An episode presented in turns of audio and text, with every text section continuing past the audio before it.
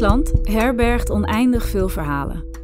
Over het water, geloof en spiritualiteit, de activistische aard van de Fries en de verschillende ambachten die deze provincie rijk is. En wat is nou eigenlijk die Friese identiteit? En hoe kunnen we al die verhalen bewaren? Lene Fries vertelt de verhalen van Friese inwoners. Met portretten, artikelen, mini-documentaires en deze podcast. Uiteindelijk vormen deze reportages samen een digitale collectie. Zo blijven de verhalen die nu worden verteld voor altijd bewaard. In deze aflevering hoor je het verhaal van Sherab.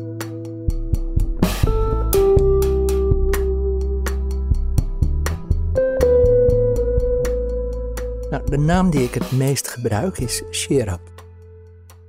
En ik kom uit een baarmoeder. En uh,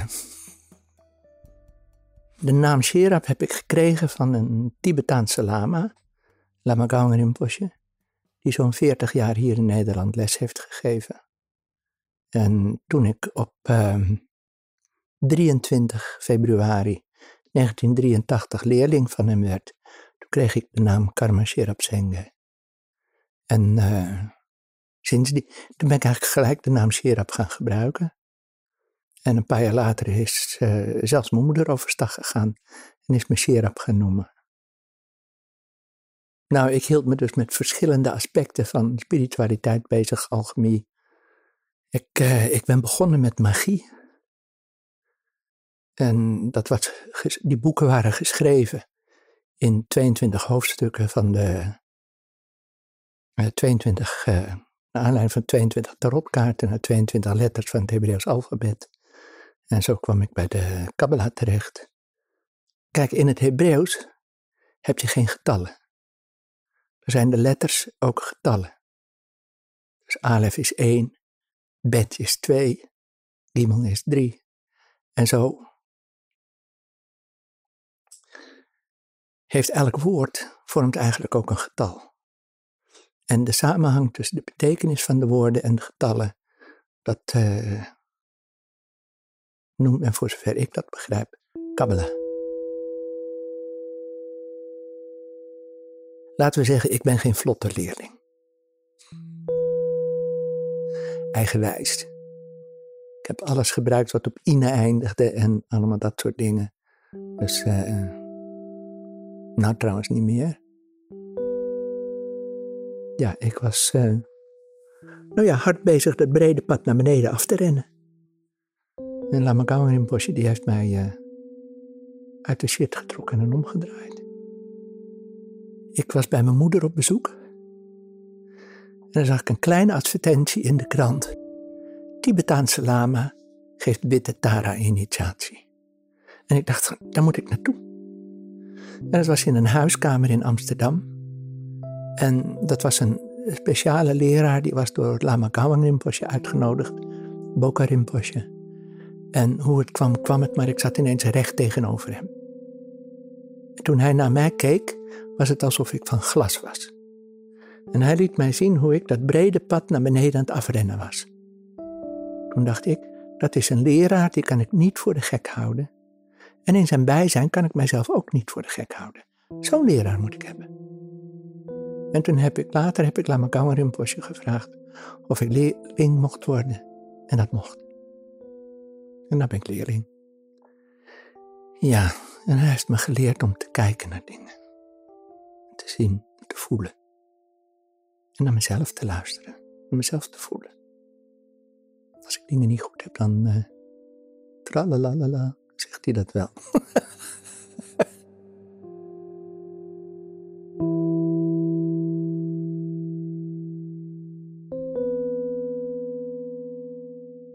Alles wat je zoekt, ben jezelf. Maar het is niet wat je denkt wat je bent. Je moet echt heel eerlijk naar jezelf kijken en alle shit die er zit, moet je gewoon eigenlijk omarmen en laten zijn. Zo van, nou, dit had ik blijkbaar ooit nodig. En dan kijk je of je het nog steeds nodig hebt. En als je het niet meer nodig hebt, dan kun je het aan de kant leggen. En als je nog wel nodig hebt, nou, dan heb je het. Gebruik je het. Maar dan weet je het. Dan ben je er bewust van. En dan kun je het gebruiken tot op het moment waarop je het niet meer nodig hebt. En onder al die laagjes van gewoontes, ideeën, concepten, denkbeelden over jezelf, over de wereld, over anderen, daaronder zit die kern. Want we, we komen allemaal uit die ene bron, maar we zijn er nooit van afgescheiden geweest.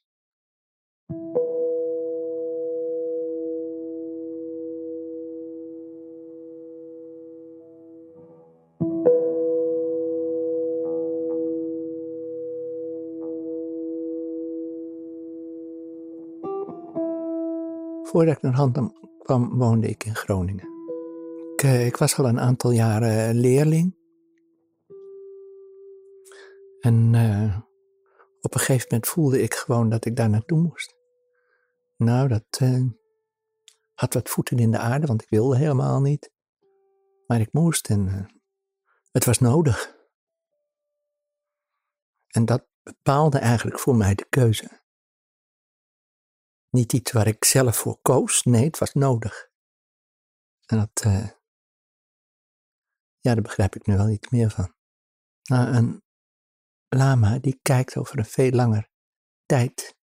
Stip ziet die dingen, die ziet dingen vooruit gebeuren. En zo, en die, die, die kan dan sturen. En hij zag blijkbaar dat ik mij in hand echt kon ontplooien. En daar ben ik mee bezig. Dat, dat gebeurt nog steeds. Karma, deleg, tjeu, pel, ling. Dat betekent letterlijk plaats waarop de juiste wijze de nobele dharma wordt beoefend. Het is een Tibetaans-boeddhistisch studie- en meditatiecentrum. En er is gelegenheid voor mensen om te verblijven voor kortere of langere tijd. En daar betalen ze voor. En dan laat ik ze ook nog werken. De stupa staat op een uitermate gezegende plek. Het is ook een heel bijzonder bouwwerk.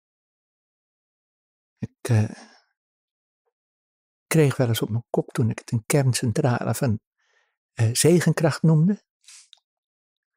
Dus laten we zeggen van het is een energiecentrale van, van zegenkracht. Er straalt gewoon heel veel zegenkracht vanuit. En zegenkracht is iets wat je in contact brengt met je eigen hart. Maar het is afhankelijk van de mate waarin je daarvoor open staat. En je kunt er omheen lopen en gebeden voor vrede en geluk de wereld insturen. De gebedsmolens, die, daar zitten miljoenen gebeden in. Door die rond te draaien verspreid je die. Er zijn twee Boeddha-relieken in de stupa. Een Boeddha-reliek van de uh, Boeddha Sakyamuni. En een van de Boeddha voor de Boeddha Sakyamuni, de Boeddha Dipankara. En relieken van yogis en heel bijzondere leraren. En door er omheen te lopen met de wijzers van de klok mee, breng je, maak je de verbinding naar binnen toe. Met je eigen kern maak je sterker. Want dat wordt daardoor gesymboliseerd. En de, bijvoorbeeld het hoofd van onze school, de Karmapa, dat is nu de, zijn heiligheid de zeventiende Karmapa. Die is ruim 900 jaar geleden begonnen met, voor hij stierf, op te schrijven waar, wanneer en onder welke omstandigheden hij opnieuw geboren ging worden, met de namen van zijn ouders erbij, soms ook met de familienaam erbij. Dat verzegelde die. En daar schreef je een jaartal op waarna het opengemaakt mocht worden. En dat gaf je aan zijn leerlingen. En als die dat dan later openmaakte na het jaar wat erop stond, dan was hij alweer opnieuw geboren. En konden ze hem aan de hand van die aanwijzingen weer vinden. Zo kon hij verder gaan met zijn leerlingen lesgeven.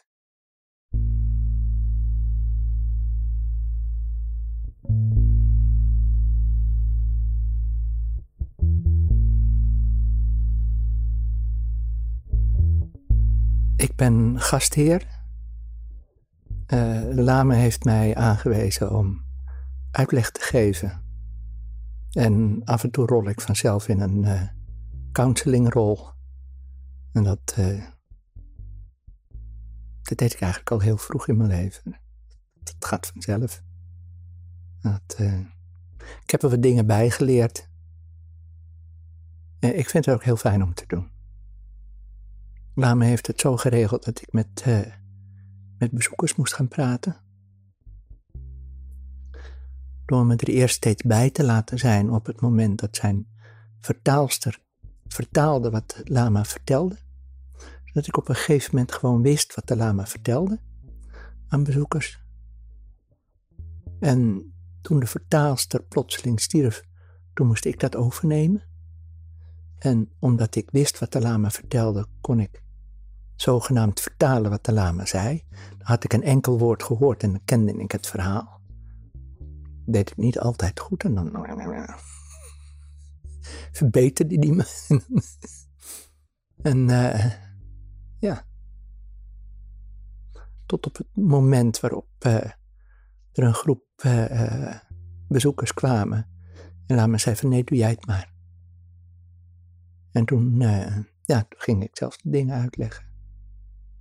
Ik luister naar de mensen, ik luister naar mijn hart en ik luister naar de lama. En als ik die drie dingen combineer, dan zeg ik eigenlijk niks. Gebeurt gewoon. En dat, uh, ja, dat, dat vind ik heel bijzonder.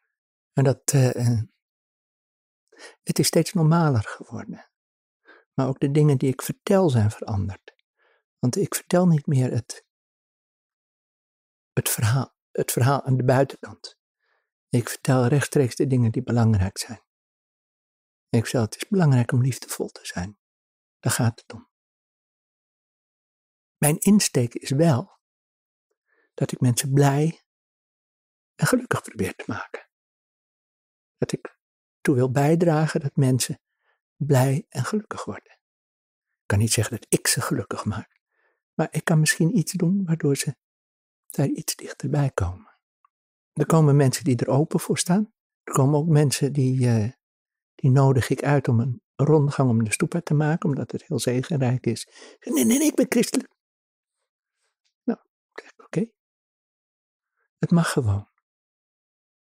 Als ik met meerdere mensen aan het praten zijn, aan het praten ben, en ik leg dingen uit en diegene zegt ineens iemand van, ja, maar daar ben ik het niet mee eens. Dan zeg ik, dat mag. Maar ik ga wel door met die anderen te vertellen. Wat ik vertel mogen mensen aannemen, ze mogen het ook naast zich neerleggen. Ik ben niet voor hun verantwoordelijk. Ik ben voor mezelf verantwoordelijk. Ik ben verantwoordelijk voor wat ik vertel. En als iemand het aanneemt en zijn best doet om het in het dagelijks leven in praktijk te brengen, is de verdienste daarvan ook voor die persoon zelf, die het zelf zijn best doet om het in praktijk te brengen. En als iemand zegt van nee, dat, uh, dat past mij niet, dat is zijn of haar verantwoordelijkheid. En in het boeddhisme heb je die overdracht tot op de dag van vandaag nog steeds. Daarom is het boeddhisme ook geen geloof, maar een leer. En je bent dus ook afhankelijk van een leraar die jou introduceert en de weg wijst naar je eigen hart.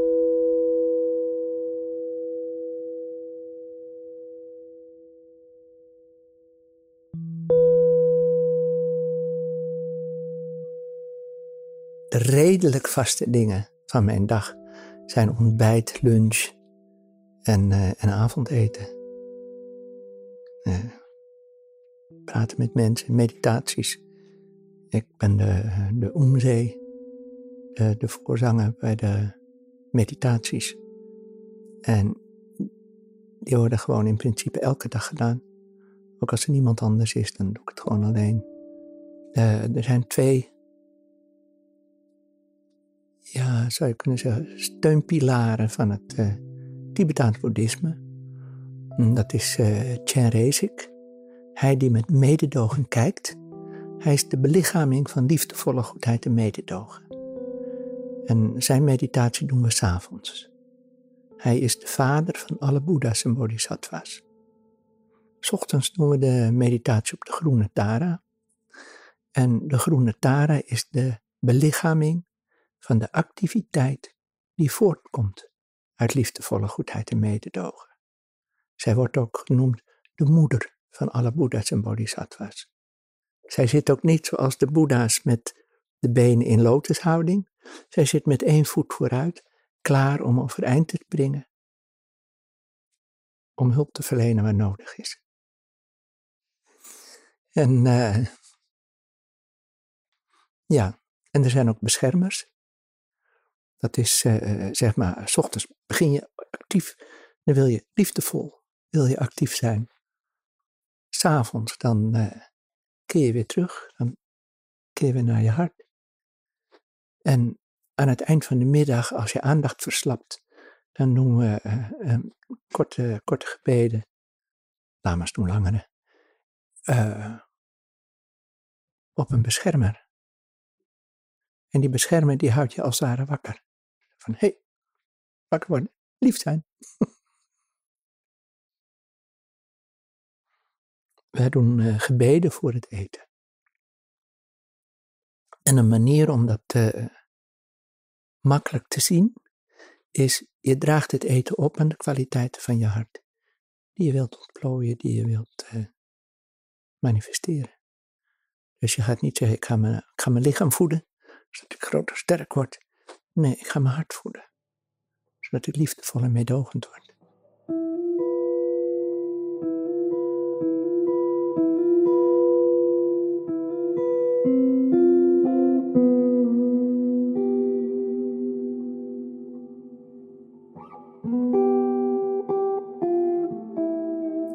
Ja, je mag weggeven wat je kunt missen, maar niet meer. Dan doe je jezelf tekort. Heb je naaste lief als jezelf. Dus als je de ander wilt geven wat de ander nodig heeft, moet je ook jezelf geven wat je nodig hebt. En als je geeft wat je kunt missen en het is niet voldoende voor de ander, moet de ander naar iemand anders gaan die het ontbrekende deel kan geven. Je mag jezelf wel eens tekort doen, maar niet. Maar het moeten uitzonderingen zijn. Als iemand ruim voldoende te eten heeft, en er komen allemaal mensen omheen die niet voldoende te eten hebben, dan kan die weggeven wat je kan missen. Geeft hij alles weg, dan is hij na een maand is hij dood. Ja, als je niet eet, binnen een maand ben je dood. En als die geeft wat hij kan missen, kan hij dat na een jaar nog steeds. Kan hij dat na vijf jaar, na tien jaar nog steeds. Omdat hij houdt wat hij zelf nodig heeft. Ik krijg ruim voldoende. Ik kan weggeven. En dat, uh, dat doe ik als ik denk dat het nodig is, doe ik dat ook. Deze wereld heeft ook voldoende om te zorgen dat iedereen krijgt wat hij of zij nodig heeft. Maar een jacht van 750 miljoen hebben we helemaal niet nodig. Kan deze aarde ook zich niet permitteren om dat iedereen te geven. Maar kleding, eten, drinken, dak boven je hoofd, ook altijd prettig. Daarvan is er ruim voldoende. En als we daar tevreden mee zijn, is er niks aan de hand. Doet deze wereld het helemaal prima. Als we gewoon onszelf durven zijn, hebben we weinig nodig. Lief zijn voor deze wereld, zijn we in principe al lief voor elk levend wezen op deze wereld, die van deze wereld afhankelijk is. Maar als wij graaien, hebben anderen, hebben anderen tekort. En hoe liefdevoller je met jezelf en met anderen omgaat, des te meer ga je begrijpen. En hoe meer je begrijpt, meer je kunt doen. Omdat we allemaal uit die bron komen en die bron ook in ons hebben, hebben we ook die wijsheid, inzicht van de bron hebben we in ons. En het is aan onszelf van hoe we met onszelf en met anderen omgaan. Of dat open gaat en of je daarbij kunt komen. Als je in je hoofd zit en denkt van alles te weten, dan sluit je eigenlijk je hart af. Dan zit je in, in alle denkbeelden en concepten. En dat leeft niet.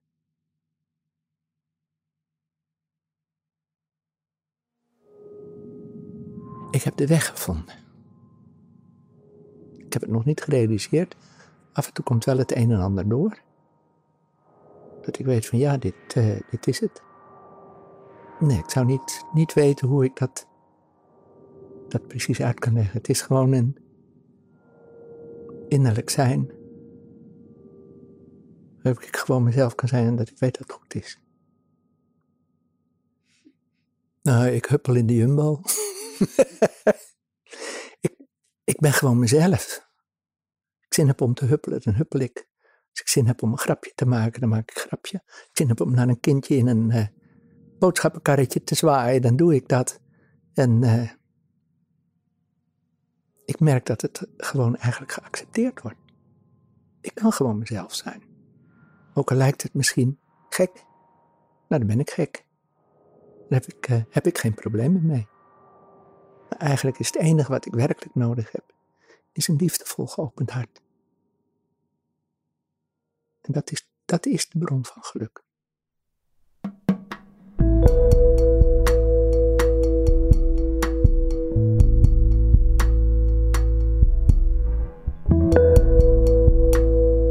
Dit was het verhaal van Sherab voor de podcast Leen Vries. Deze podcast werd gemaakt door mij, Joran de Boer, en Aira Helverich, die de eindmixage deed. De muziek werd gemaakt door Esker van de Werken. Dank aan Sherab voor het vertellen van je mooie verhaal. En dank aan jou, luisteraar, voor het luisteren. Vond je deze aflevering mooi? Deel hem dan vooral met anderen. En als je dan toch bezig bent, laat je dan ook een review achter. Op die manier kunnen andere podcastliefhebbers deze podcast makkelijker vinden. Meer informatie over Lenen Vries vind je via de link in de show notes. Graag tot de volgende aflevering.